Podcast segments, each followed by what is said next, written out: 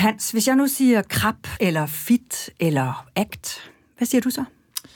Jamen, så siger jeg, at, øh, at noget af det er fantastisk, og noget af det også kan bekymre mig en gang imellem. Øhm, ja.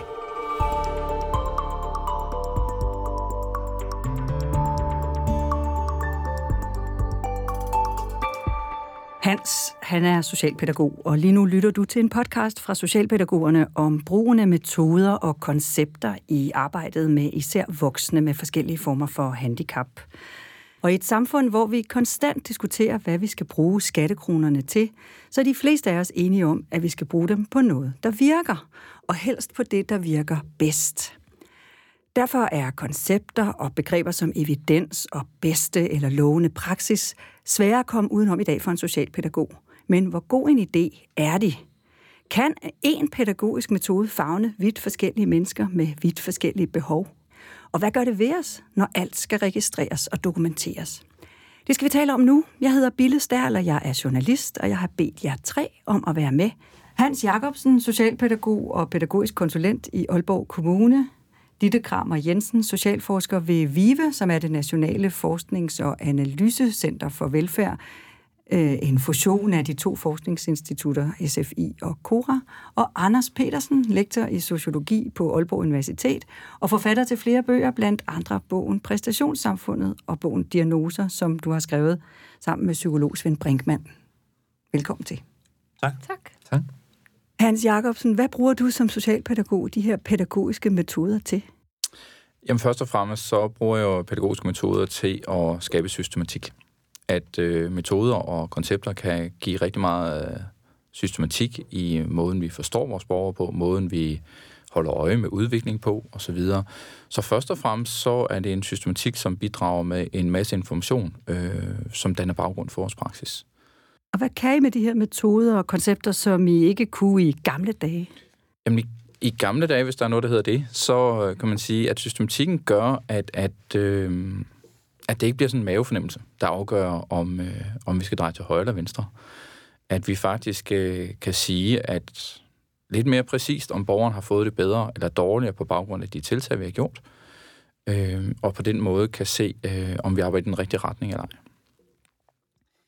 Ditte Kramer, du er medforfatter til Socialstyrelsens pjæse om lovende praksis. Yes. Øhm, hvad vil det egentlig sige, at en praksis er lovende?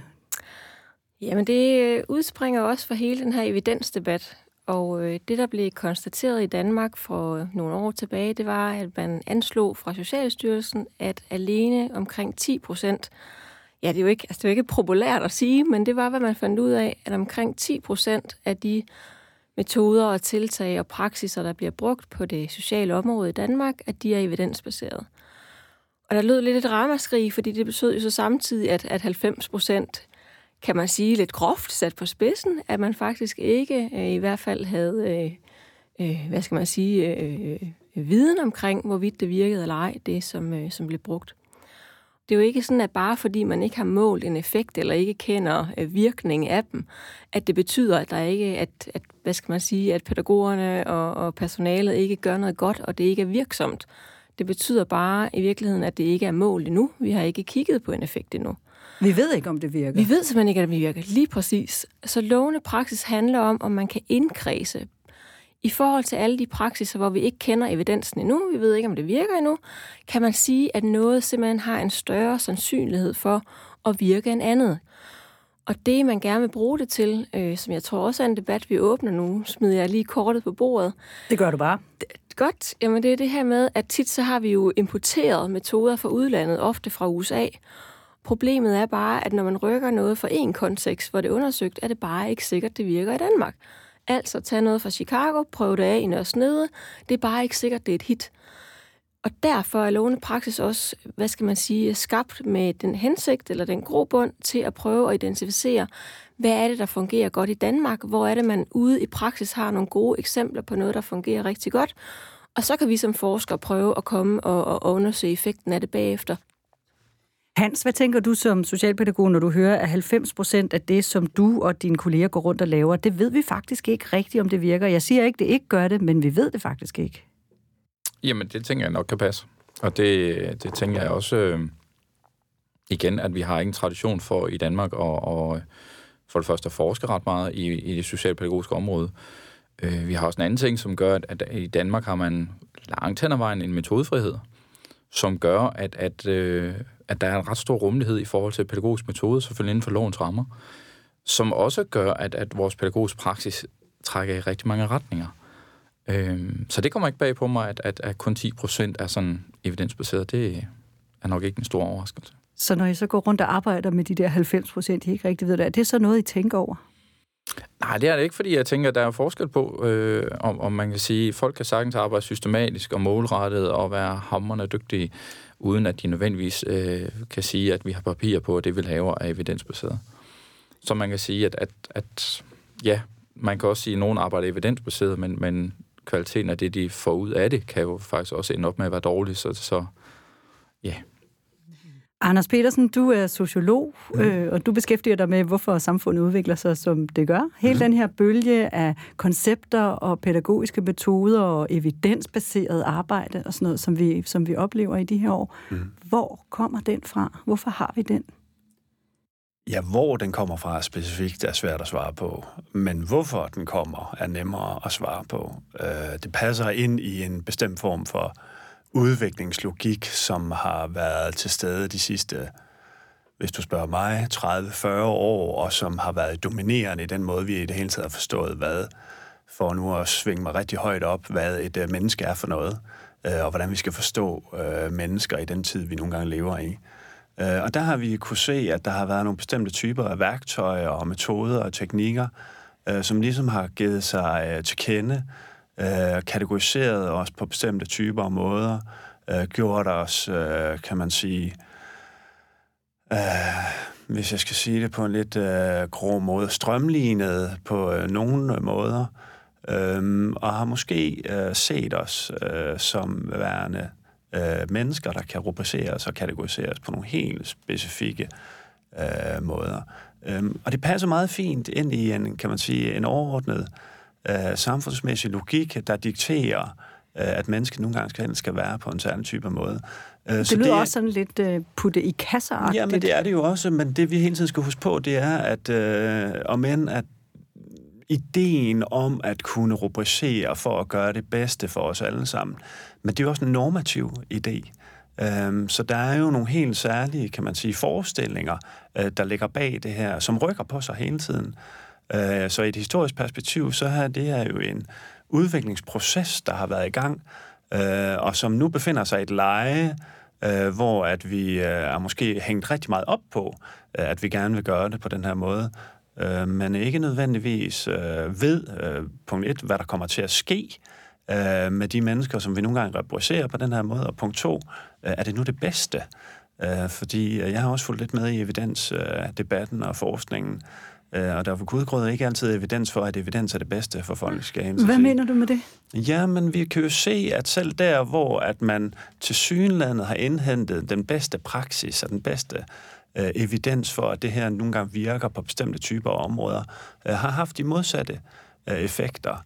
Har du et øh, konkret eksempel på det? Ja, men der er jo nogle kon- øh, konkrete eksempler inden for skoleverdenen eksempelvis. Ikke? Altså, vi kan jo se, at vores tanker om at gøre skoleelever på en bestemt måde, hvor vi øh, Øh, helt tydeligt har kunnet se en form for fremelskning øh, af, at vi skal kunne teste og evaluere vores øh, børn øh, helt fra øh, 0. klasse og helt ned i børnehaveklassealderen nu her også.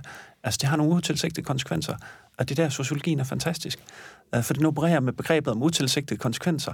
Alt det, som vi tror, vi kan have fat på, men vi kan ikke have styr på det hele.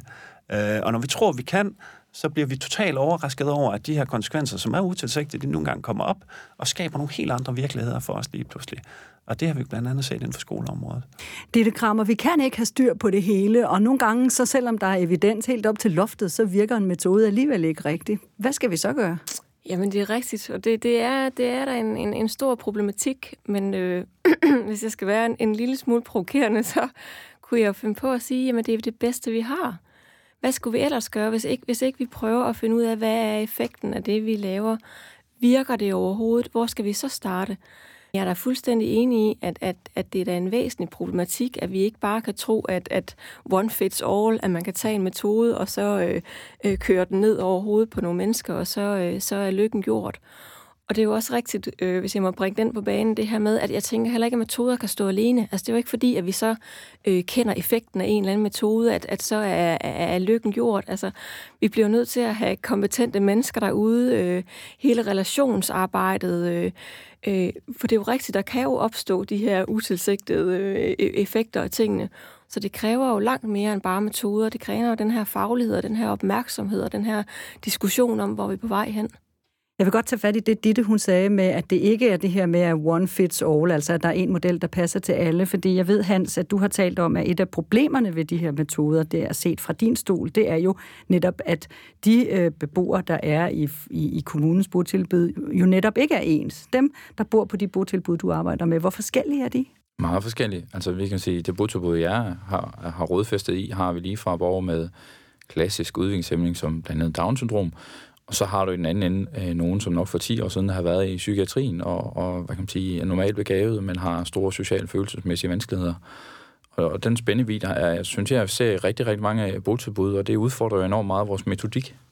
Fordi vi netop ikke kan sige, jamen så har vi lige pludselig, jamen vi har nogle metoder, der passer til den gruppe, men hvad så er det næste og det næste? Så en af de udfordringer, jeg ser ved metodikker, eller hvad kan man sige, det er jo, at når vi vælger noget, så vælger vi også nogle gange noget fra. Øh, og og i, i de spillerum, blandet med forskellige borgere, så er der risiko for, at vi taber noget. Hvad er det, I vælger fra? Jamen, det kan for eksempel være, at, at man kan sige, at, at, at vi, vi kan også se de faglige pædagogiske strømninger, hvor man kan sige, at øh, neuropædagogik for eksempel har vundet rigtig stor indpas og med rette. Neuropædagogik er fantastisk. Men der er også ting, neuropædagogikken ikke forholder sig til, ikke tager hånd om. Så hvis man... Hvis man Hvad bruger så, I neuropædagogik til? Jamen, neuropædagogik kan sige rigtig, rigtig meget om, om hvordan en, en borgers øh, hjerne øh, fungerer, arbejder, øh, hvad der kan belaste den og så videre. Rigtig, rigtig brugbare informationer, men, men vi er også andet end vores hjerne, så man kan sige. Så vi har også mange andre faktorer, som kan spille ind på Hvad en tænker individ. du på? Jamen det kan jo være lige fra personlighed til, så kan der være noget psykiatri, så kan der også være eventuelt misbrug, så kan der være massiv omsorgsvigt, så kan der være, der kan være rigtig, rigtig mange faktorer, som også har indflydelse på, både hvordan borgeren fungerer, men også hvad borgeren har brug for. Så når vi laver en metode, hvor man siger, og jeg tror mig, det er ikke ondt ment det her, men når kraft for eksempel siger, at de laver en kognitiv profil, så smiler jeg jo lidt og så siger, at det er jo skide godt til dem, der passer ind i den kasse. Men hvad så dem, der stikker udenfor?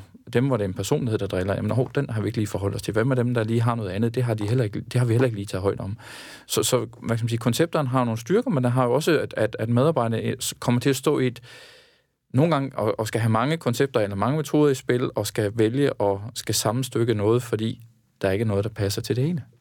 Og det, når nu en metode ikke passer til alle, hvad stiller folk som Hans så op, når de står der med øh, borgere med øh, 3-4-5 forskellige øh, øh udgangspunkter og livssituationer og vidt forskellige behov? Så kan man jo ikke hive den her metode ned og sige, om den passer både på Anna og Bent og Jørgen og Kenneth. Det er fuldstændig rigtigt, og, og det, det vi ser, og det der også bliver, bliver i talesat her, jamen det er jo netop, at man kombinerer. Og det forstår jeg godt ud fra et, et praksishensyn. Og så kan, kan skrabsakken herover øh, med, med forskningshatten jo godt også være en lille smule bekymret. Nå, for så ved I jo ikke, hvad det er, der virker. Så ved vi jo ikke, hvad der virker. Altså, så er det jo lidt en, en, en cocktail-effekt, kan man sige, ikke? Øh, som vi jo kender fra, øh, fra den mere øh, naturvidenskabelige verden. Men det er jo også vores egen skyld. Fordi så ødelægger du evidensen, Hans? Ja, når du blander men, man, metoderne? Ja, men det er jo der, hvor man kan sige, medarbejderne bliver sådan lidt prisgivet, fordi man en hånd, så vil man rigtig gerne være tro mod konceptet, og der, man kan sige, så noget af det, jeg tænker, vi først og fremmest skal tage med fra koncepterne, det er jo først og fremmest vores systematik.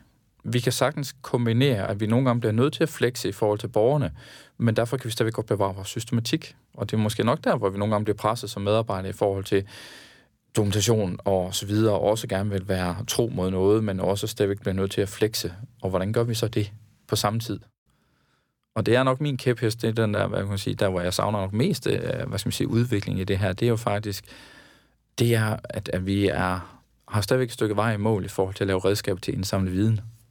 Jeg sad her og smilede forleden og så sige, men jeg har faktisk ikke i Danmark nu for eksempel fundet et systematisk gennemarbejdet øh, udredningsredskab til afdækning af seksualitet blandt vores borgere. Det findes ikke.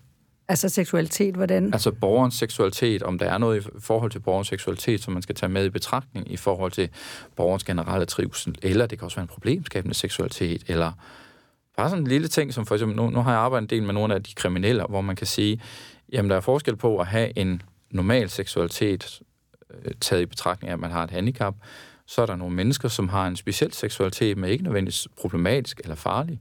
Og så har vi også nogle i den sidste ende, som har en farlig seksualitet, som vi skal holde øje med og være opmærksom på. Og hvordan får vi lavet de skældninger imellem, hvornår er noget farligt, hvornår er noget bare lidt... Hvorfor kan I ikke bare se det? Det kan I vel se og snakke med dem om. Jamen, så bliver vi tilbage til mavefornemmelsen. Så er vi jo der, hvor jeg... Og der vil du heller ikke hen. Jeg vil helst ikke derhen, hvor at det bliver min private præference til seksualitet, der skal afgøre, hvornår noget er bizart, eller mærkeligt, eller, eller direkte farligt. Det vil jeg, det, det, det er jo, så kommer vi langt væk fra noget faglighed, synes jeg. Anders Petersen, hvordan undgår man på den ene side at falde i sådan en grøft, hvor vi registrerer og dokumenterer alting i skemaer og bliver bundet op på afhængig af det, og så at vende tilbage til mavefornemmelse, som Hans jo gerne vil undgå? Jeg ved ikke, om jeg har noget godt bud, på, hvordan man undgår det, men jeg har i hvert fald bud på, hvad man skal forsøge at undgå. Og det, man klart skal forsøge at undgå, det er jo, at man stiger sig blind på en type af sprog, en type af rationalitet.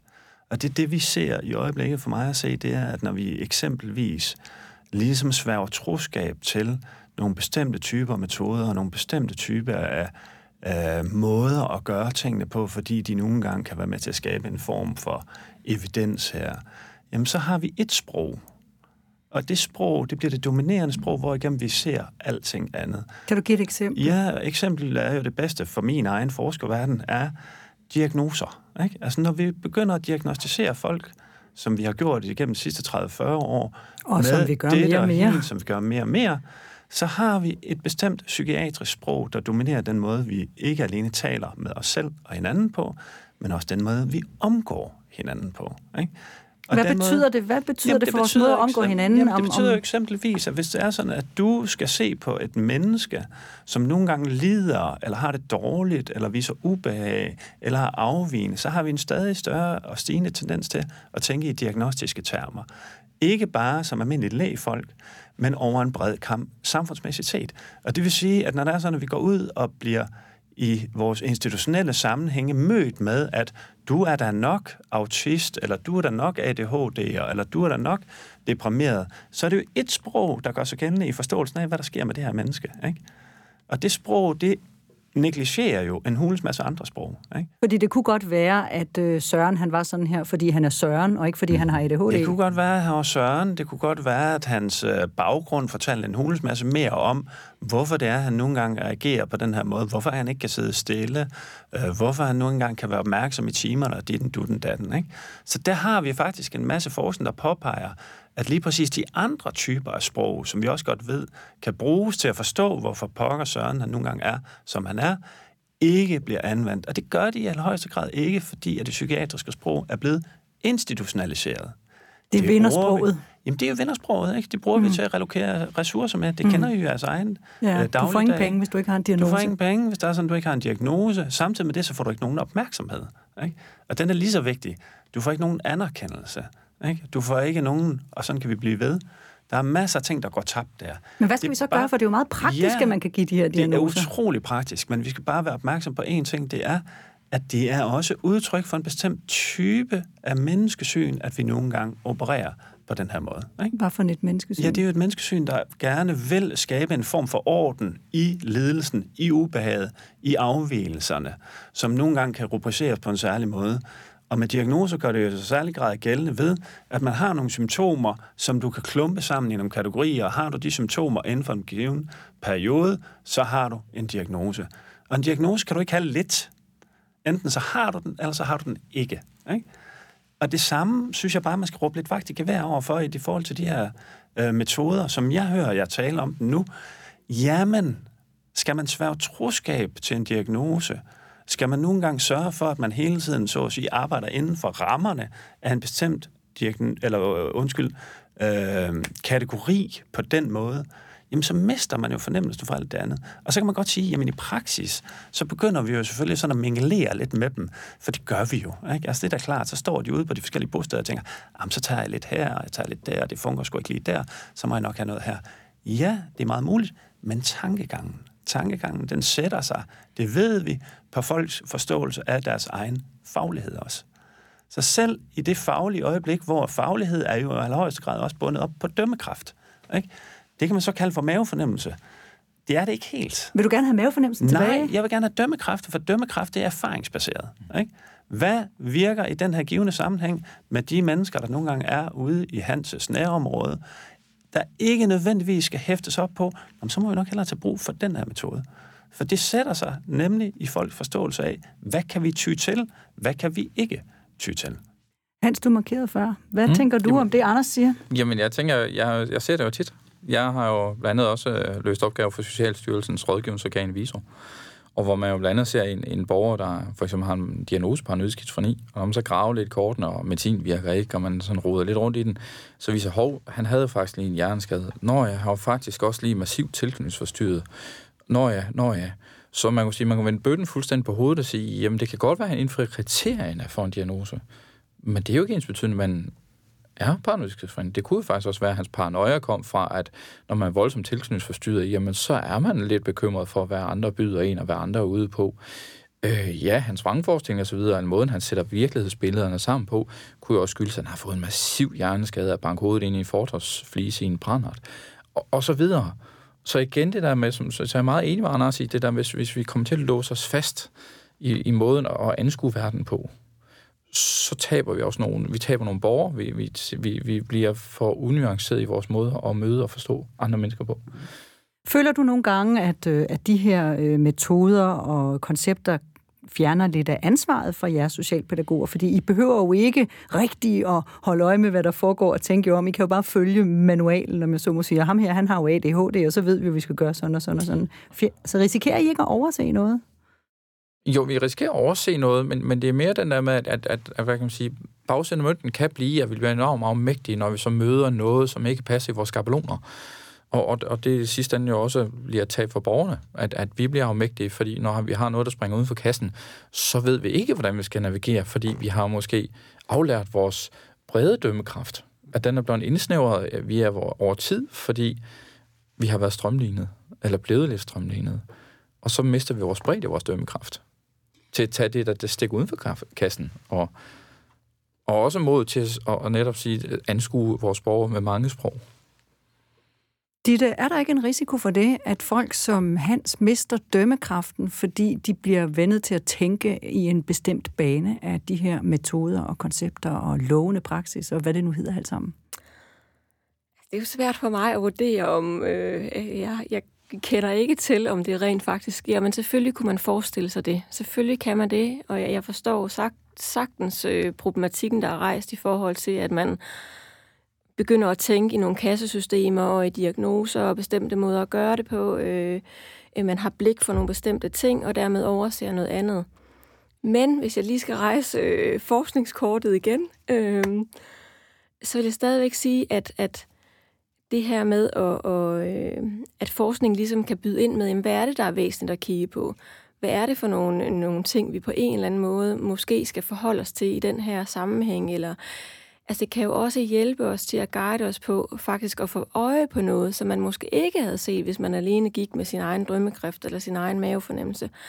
Så, så, så jeg synes, hvis vi ligesom skal fremad øh, herfra, så tror jeg ikke, det bliver et enten eller. Altså jeg tror, det bliver en, en, en sammenkobling, at vi skal bruge den forskningsbaserede viden, vi har, men vi skal da på ingen tænkelig måde øh, øh, miste drømmekraften og den faglighed, der er derude. Altså, det er jo kendskabet til den enkelte borger, det er jo øh, brugen af hinanden som kollegaer og spejle hinanden, øh, øh, hvor man kan se, hvis man er på vej ud af et spor. Men hvad er så forskellen på det, og, altså, og så bare god gammeldags socialpædagogik, som, som socialpædagoger har praktiseret i, i masser af år, uden at det var en særlig metode, men at de brugte deres erfaring, og de brugte deres dømmekraft, og havde en faglighed, og så kombineret arbejdet med mennesker på den måde? Altså lidt sort-hvid kan man jo sige, at, at det, øh, det vi kan gøre, når vi måler effekt, øh, hvor vi uden at skulle gå i, i detaljer med, med, med forskning, men hvis man kan sammenligne en gruppe, der får et eller andet tilbud, med nogen, der ikke får et tilbud, så kan man det, vi, vi kalder inden for forskning, være sådan forholdsvis sikker på, at den virkning, vi ser, at den kan faktisk tilskrives øh, det tilbud eller den praksis, man har fået.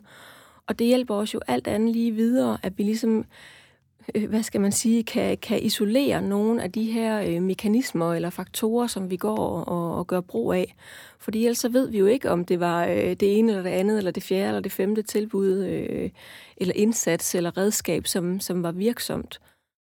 Er det noget, du tænker over, Hans, eller, eller vil du i virkeligheden gerne bare arbejde øh, med din egen erfaring og din faglighed? Nej, nej, absolut. Jeg mener bestemt også, at, at vi, øh, vi skal blive skarpere, og, og evidens er også en hjælp. Så jeg råber ikke, at evidens er noget møg, eller at jeg tænker, at det, den vej må vi ikke gå. Vi skal bare være opmærksom på, hvad det er så også, hvad skal man sige, hvad er bagsiden af mønten. Øh, og en af, en, man kan også vende om, vores område fuldstændig på hovedet, og så sige, jamen måden vi kunne navigere, det er jo så, at tilbudene bliver mere og mere specialiseret. Altså det vil sige, dybest set sige, at, at, at vi går lidt tilbage til at få sorteret vores øh, borgergrupper på tiden måske bliver, bliver anderledes stykket sammen, sådan at, at vi ikke får alt for stor mangfoldighed, fordi så bliver vi netop presset rigtig hårdt på den. Så, så man kan sige, at kommuner og, og, og tilbud osv. Kunne, øh, har også en rolle i forhold til, hvor, hvor brede målgrupper skal man kan rumme i nogle givende tilbud. Fordi jo bredere målgrupper, jo mere bliver vi presset både på vores systematik og vores tilgang øh, generelt set.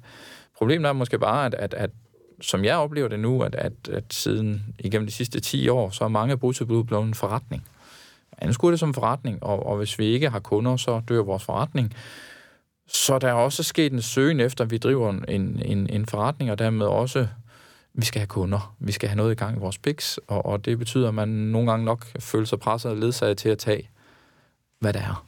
Og så får man en meget bred målgruppe nogle gange, som igen presser vores så man kan sige... Og så passer metoderne ikke, eller også skal I bruge syv forskellige metoder? Ja, eller så bliver medarbejderen blå i hovedet, fordi at, at eller ens kollega bliver blå i hovedet, fordi at, at, at det spænder ud over det, vi reelt egentlig måske formår.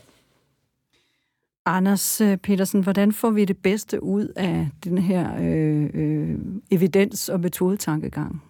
Nå, men der er ikke nogen, der ved deres fulde fem kunne finde på at argumentere for, at vi ikke skal dyrke den her type af forskning, eller jeg har ikke hørt nogen professionsgrupper nogensinde sige, at de ikke godt kunne tænke sig at blive set efter i kortene, og de ikke godt vil gøre deres arbejde bedre, og de ikke vil øh, registrere det, de nogle gange gør. Det, som jeg råber vagt i gevær overfor, det er, at man har set en tendens til at gøre den her type af øvelse, som det jo hedder smukt nogle gange, for meget. Ikke?